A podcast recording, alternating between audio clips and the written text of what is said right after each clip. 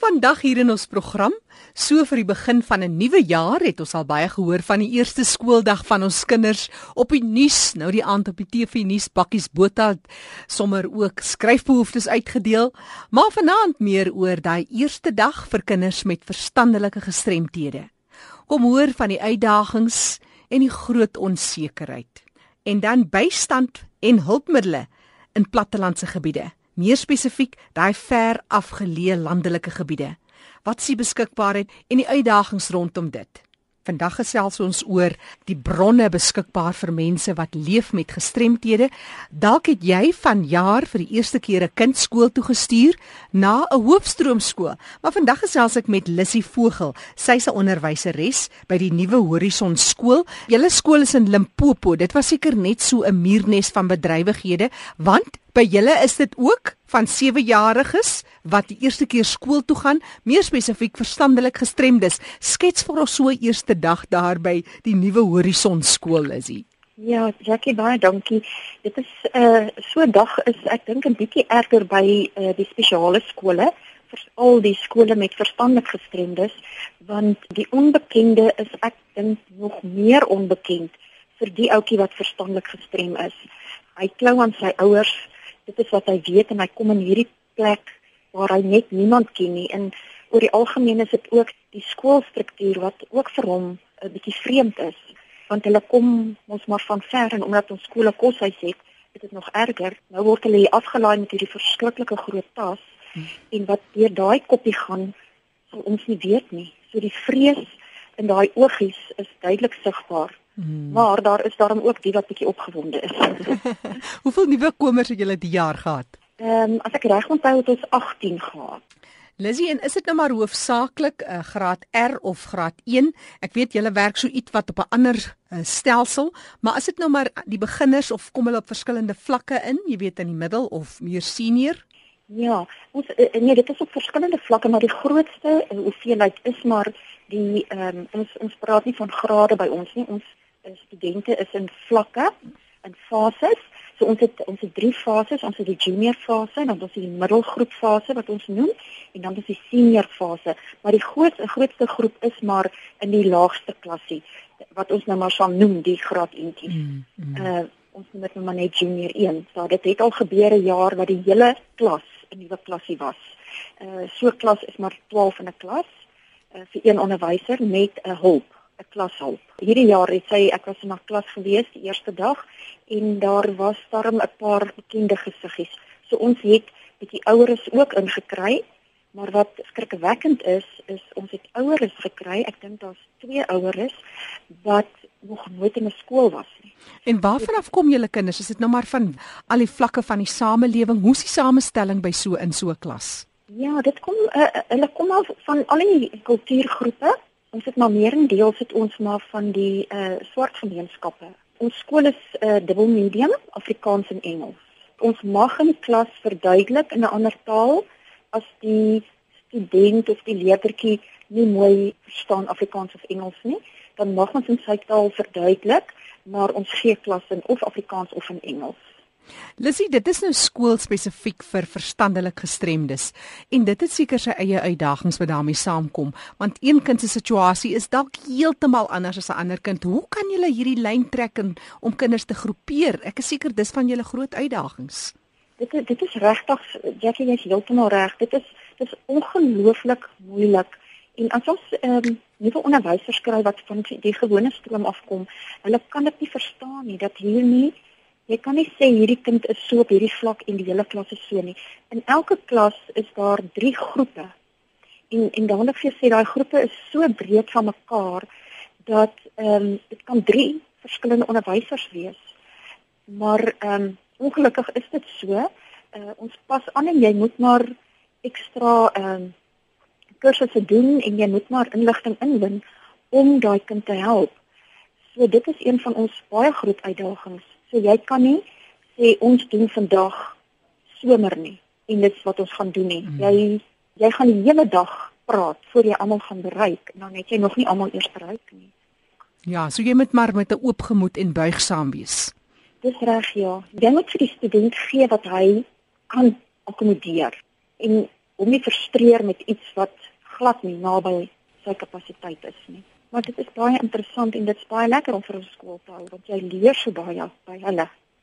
Maar ek weet ook dat by julle skool is die hele kwessie van sport die afrigting, die aktiwiteite is 'n groot en 'n belangrike deel en dit is seker ook in aanhalingstekens 'n lekker uh, ervaring met die kinders want dan is dit letterlik en figuurlik gesproke is dit asof die speelveld net 'n bietjie meer gelyk is. Ja, nee, dit is regtig. Dit is dit is 'n groot gedeelte van ons kurrikulum. Daar's so baie boeke wat mense kan bekom wat hmm. jou kan help en en wat vir jou kan wys dat sport is nie net vir ontspanning nie dit stimuleer die brein meer as wat dit ontspanning is. En uh by ons kinders is dit baie baie 'n baie groot faktor. Op 'n stadium het ek 'n seminar bygewoon van uh mense van Amerika wat vir ons kom demonstreer het en ons gewys het en ook dan ook 'n video gewys het wat gimnastiek hierdie die bommelakiesie gedeelte spesifiek mm. en die ander bewegings wat dit vir 'n verstandelike gestremde kind doen. Oh dis ongelooflik. Natuurlik is almal nou nie in 'n jaar gevorderd nie, maar jaar 2, 3 jaar is daar groot verskille. En die beweging van selfs met sokker, dis dis ongelooflik wat hierdie sport vir hierdie verstandelik gestremde mense doen. Op 'n ander dag meer spesifiek oor die rol van sport in die ontwikkeling vir kinders met gestremthede in spesifiek dan in julle geval verstandelik gestremdes. Maar Lizzy, as jy vandag met 'n ouer of twee kan gesels wat hierdie nuwe pad moes loop met hulle kind hierdie jaar begin het of dalk weer eens net nog 'n jaar, die vordering is partykeer nie soos jy verwag het nie en dit is jy's miskien ook die probleem, daar's verwagtinge en dan is jy teleurgestel. Maar wat sou jy vir ouers sê as onderwyser vir hierdie kinders wat jy so lief is vir om vir voorklas te gee? Wat sê jy vir ouers of vir versorgers? Ek net vir die ouers sê baie dankie dat hulle hulle spesiale kind aan ons toe vertrou. Dit is so wonderlik om met hulle te werk en ons wil graag saam met die ouers werk om ook vir die ouers vordering te wys. Weet jy, ek dink die groot ding is hou moed en aanvaar die kind wat aan jou toe toe vertrou is met liefde dit is so belangrik. Hulle soek soveel liefde, hulle soek soveel ehm um, erkenning. En om daai kind net lief te hê en vir hom te wys, hy is net so spoetie en sussie by die huis. Om nie eenkant te stoot en heeltyd te praat van hierdie spesiale kind nie. Om hom gelyk te hanteer help ons uit by die by die skool natuurlik baie. Uh mens kom dit tog agter wat by die huis gebeur. Al praat die kind nie veel nie maar hou moed en gee van jou kant wat jy kan gee. Dit is miskien die belangrikste wat ek op hierdie oomblik kan sê. Lizzie Vogel is 'n onderwyseres by die Nuwe Horison skool in Polokwane in Limpopo en sy het gepraat oor daai eerste dag vir kinders met verstandelik gestremthede en hoe dit hulle dit ervaar. Is daar die een wenses wat jy sou sê vir so 'n kind of vir so 'n skool of vir sulke onderwysers? Wat sonder jy uit? Wat is die een boodskap wat jy wil deurbring na mense in die veld of dit nou die kinders is of die onderwysers? Weet jy geniet wat jy doen. Geniet die kinders sien hulle op hulle vlak moet hulle nie spesialer maak as wat hulle is nie mm. en wees net lief vir hulle aanvaar wat voor jou sit of waarmee jy werk. Ehm um, weet jy dit is vir my baie belangrik. Jy het seker 'n les of twee geleer by kind by jou kinders. Beslis. Ek het al so baie by hulle geleer. Uh die Nisa kursus wat ek gedoen het het my baie geleer, maar hierdie kinders leer baie meer. dit het jy sommer eerste hands uh, mee te doen ook.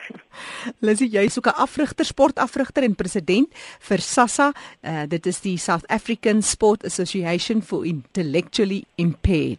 Is daar 'n webtuiste of 'n telefoonnommer hoe kan mense met jou in verbinding tree as hulle net so bietjie van van jou insig en jou kennis sou wou deel en of raad soek? Ja, hulle is welkom om my te kontak op my selnommer. Mhm. Ehm mm um, dis 082 809 7004. En ons uh webtuiste is sasa.ii www.sasa.ii.co.za en uh ons het ook ehm um, Facebook wat hulle ook by na toe kan gaan. Dis mos maar makliker om by die uh Facebook uit te kom. Daar's ook inligting, daar's ook kontaknommers, maar hulle is welkom om my te skakel. Lizzie Vogel, iemand wat passievol werk met kinders met verstandelike gestremthede en sy is by die Nuwe Horison skool in Limpopo en daar in Polokwane. Net weer haar telefoonnommer 082 809 7004 of maak 'n draai op die webtuiste www.sasa.ii. Uh, daai ii staan vir intellectual impaired. Uh, sasa.ii.co.za. Manne en vroue wat help in leefwêreld van mense met gestremthede. Nou sluit ons aan by kollega Fanie De Tooy. Baie dankie Jackie. In vandag se program gesels ek met Brenold Strauss van Springbok daar in Namakoland in die Noord-Kaap en ons kyk na groot uitdagings wat hulle daar het. Brenold is die media-ontwikkelingsbeampte. Hy is betrokke by die plaaslike verenigings daar en persone met gestremthede en dit lê hom na in die hart. Brenold, tel ons net meer oor jouself. Jy's 'n persoon met 'n gestremdheid jouself, né? Nee? Ja, my naam is Bruniel, ek uh, bly hier in die Springbok in die pragtigste deel van die Suid-Afrika in die Noord-Kaap. Myself is 'n parapleeg. Dit beteken dat ek 'n spinaalkoordbesering T7 letsel opgedoen het uh, uh as gevolg van 'n motorongeluk 23 jaar gelede en gevolglik met 'n rolstoel permanent beweeg en gebruik permanent. En dis dit daar gesê dat ek werk vir die Nasionale Raad vir persone met gestremdhede in Suid-Afrika, maar in en vir die Namakolandse area van die Noord-Kaap gemoeid met ontwikkelings- en bewusmakingswerk vir persone met gestremthede. Brinold, ons gaan kyk vandag na die agterstand van hulpmiddels en spesifiek dan in die Noord-Kaap, maar kom ons begin eers net te kyk wat sê die VN-konvensie. Ons Suid-Afrika het onderteken en die beleid ten opsigte van hulpmiddels vir persone met gestremthede in algemeen. Wat sê jy vir ons daar? Ja, van die 3 Desember word internasionaal herdenk as uh wêrelddag vir persone met gestremthede en net Suid-Afrika sê dat reg sê in ooreenstemming met die VN konvensie oor die regte van mense met gestremthede uh, dit onderteken bekragtig uh, wat die nasie natuurlik verbind tot 'n internasionale standaard betreffende die bevordering en beskerming van menseregte vir alle persone per, met gestremthede. Met ander woorde, dit die grondwet maak in artikel 9 voorsiening vir die gelyke beskerming en voordeel van die reg en die reg dat daar teen geen persoon gediskrimineer mag word nie. So artikel 9 van die bepaal ook dat die staat nie regstreeks of onregstreeks onbillik teen iemand mag diskrimineer nie, want die samelewing aanvaar nog dat rolstoelgebruikers altyd nog sieklik is of in hospitale behoort en soos jy self weet die gestremdheid sektor is steeds gretig om te oortuig en te demonstreer dat gestremdheid nie net 'n mediese kwessie is nie, maar veral ook 'n sosiale en omgewingskwessie. So gestremdheid is nie altyd sigbaar nie. Sekere gestremdhede, soos byvoorbeeld gehoor gestremdheid, autisme, gesig gestremdheid, is verskillend. Sulke gestremdheid kan 'n persoon se interaksie met ander beïnvloed asook sy of haar mobiliteit. Ja, dit bring ons by die stand van sake in terme van hulpmiddels wat reg is, soos jy nou vir ons uiteengesit het as deel van die integrasie van mense met gestremdhede en ek wil weet, wat is die beskikbaarheid? As 'n mens kyk na die Namakoland as ook die Noord-Kaap, wat sê jy vir ons? Wel, dit is nogal hartseer want meer as 800 gestremdes in Noord-Kaap wag vir rolstoele spesifiek en talle met rolstoele kan nie bekostig om die hulpmiddel te onderhou in die weens die landelike areas waar dit wat die geskik is uh, wat hulle en ons natuurlik in bly nie. So baie party van die persone met gestremdhede is reeds baie lank op 'n waglys en sal ongeveer meer as seker 3 jaar moet wag om 'n rolstoel spesifiek te kan kry aangesien daar aangesien daar net nie 'n begroting is by die provinsiale departement vir ortopediese hulpmiddels asook rolstoele nie. En uh rolstoele wat wel verkry word vanuit die privaat sektor voldoen nou nie aan die vereistes ongelukkig vir die gebruik vir landelike areas nie want dit is maar 'n duur item. En ehm um, soos jy self weet uh, omdat ons in ver afgeleë areas is is dit meestal grondpaaie tussen die woonbuurte wat beteken dat rolstoele slegs 'n leeftyd van minder as 2 jaar het en dan val hy uitmekaar uit. Nou ehm um, 'n gedagte hiermee ook van die Nemie Noord-Kaapse Vereniging vir Mense met Gestremdhede beter bekend as APD in samewerking met die Departement van Gesondheid en Maatskaplike Ontwikkeling vele opvolgvergaderings wat hulle steeds het en ook gehad het om te poog om te kyk om 'n verskil te maak in die lewe van mense wat ortopediese hulpmiddels, hulpmiddels en ook rolstoele van afhanklik is. En uh, daar is 'n dame wat ook seker nie bekend is, maar Dorothy N Howardson. Sy is 'n komitee lid van die nasionale raad en ook lid van die provinsiale APD. Waarvan ons ook al vele op vele platforms gesprekke gehad het met die nasionale departement van gesondheid wat 'n nasionale beleid het om alle gestremdes van hulpmiddels te kan voorsien. Nou wat die departement in die Noord-Kaap doen is dit net om 'n database op die stadium wat hulle daar beskikbaar hou, uh maar dit voorsien nie die honderde op die waglys van rolstoele nie. So dit dryf natuurlik in teen die regte van gestremd uh, mense met gestremdhede en ontneem ook hulle menswaardigheid. Nou as ek net kan inkom uh Brinold Jy's nou 'n persoon met 'n gestremdheid en jy's ons verduidelik jy's 'n parapleeg en jy's 'n baie bekende sportman, jy gebruik hulpmiddels jouself.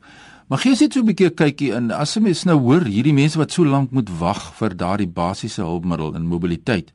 Wat is die direkte impak, die regstreekse impak op die persoon? Nou ons wil so 'n kykie gee vir ons daar in die lewe wêreld van iemand wat sê nou maar 'n mobiliteitsgestremdheid. Dit is ehm, 'n um, dubbele uitdaging wat jy ervaar en veral in die Noord-Kaap en veral na Makwaland se areas wat baie baie in Engels noem hulle dit remote wat baie landelik is uh is dit moeilik om uit te kom by dorpe en as jy 'n rolstoel byvoorbeeld het, dis maar een van die hulpmiddels wat baie nodig is.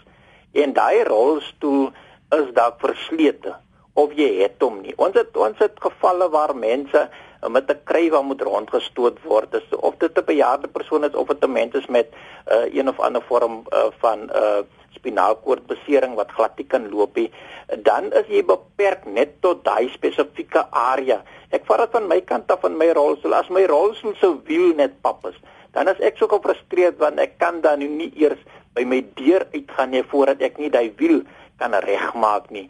So dit is jou reg as 'n persoon met 'n gestremdheid om uh te kan beweeg en as jy nie kan beweeg nie dan is jy gekluister of in 'n bed en dit veroorsaak natuurlik dat jy ook wat ons noem jy kry druksere. En wanneer jy drukseer kry van jy bly net op die bed of op 'n bank, dan vat dit nog hoeveel maande en dalk jare voordat jy daai wond gesond kan kry. So dis 'n dis 'n regte dis 'n kwessie wat wat 'n mens uh, glad nie vir iemand anders uh wil uh, daar stel nie want want dit is dit is 'n ongerieflike ding. Ja, maar is ook 'n bose kringloop as mens dink daaraan, so die persoon se mobiliteit nou in geval van 'n rolstoel word nou ingeperk. Nou moet die persoon toegang hê tot mediese dienste. Jy het nou genoem van die druksere, maar toegang tot mediese dienste as 'n mens 'n voorbeeld vat. Nou het 'n mens baie goeie wetgewing en regulasies dat elkeen die reg het tot basiese dienste as 'n persoon met 'n gestremdheid, maar hy kan nie daarbey uitkom nie. Correct. En dit wat jy nou vir ons uitgewys het. So dit's baie belangrik en die tweede aspek gaan ook oor die ekonomiese inkomste of die inkomste wat mense kan verdien as jy dit help nie jy het aan die een kant as mens na die arbeidswetgewing kyk die wet op gelyke indiensneming, maar weer eens kan 'n persoon nie daar kom nie. Stem jy saam met my daaroor? Absoluut, absoluut.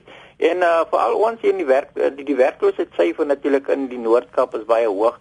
Anders in die ekonomie hoofsaaklik bestaan net veeboerdery en natuurlik ook die mynhuise soos die Beers en ander mynhuise wat ook daagliks afskaal en toemaak. Met ander woorde, vele mense sonder werk en mense met gestremdhede of kinders met multigestremdhede wat afhanklik is van hulpmiddels en inkontinentale items soos weggooibare doeke wat dit kan bekostig nie weens 'n gebrek aan inkomste en dorpe as ver het mekaar het van nie.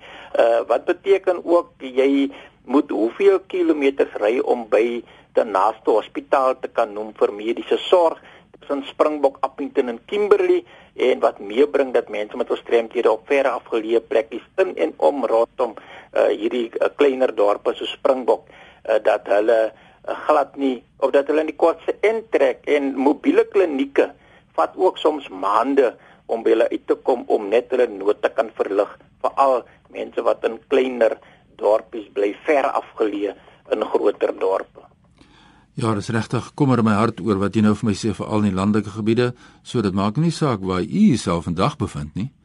Wat is die mening? Wat is die situasie in die plek waar u bevind?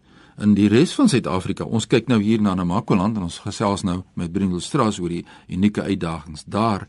Nou Bruno, jy het net genoem van 'n database en die tekortkominge daarvan en om rondom hierdie database situasie en dan baie kommerwekkend is natuurlik ook die herstel. Jy weet nou mense weer daar kom om daardie rolstoel dan of die hulpmiddel of die wat ook al te herstel is 'n groot uitdaging en ons as 'n mens weggaan van die rolstoel af, kyk 'n mens ook na na gehoorapparaat, die beskikbaarheid van gehoorapparaat en die herstel daarvan. Kom ons skets 'n 'n prentjie van iemand is nou in uh, waar ook al Steenkof en uh, daar's ergens 'n behoefte aan 'n gehoorapparaat. Wat is die situasie daar? Gehoorapparaat is dieselfde soos hulpmiddels soos rolstoele van jy weet jy moet daai gehoorapparaat moet jy stuur of Kaapstad toe of jy moet hom stuur Kimberley toe. Uh en dan het jy sit jy met die risiko dat daardie hulpmiddel gehoorapparaat of uh hulpmiddel wat in watter vorm ook al dat hy eers dalk nog wegraak uh, ja. en dan kry jy hom glad nie terug nie. So die mens verwag maar nou maar totdat hy eendag iemand weet van wat dalk Kaap toe gaan om dit uh, na 'n plek toe te neem om dit reg te maak of na Kimberley toe te neem.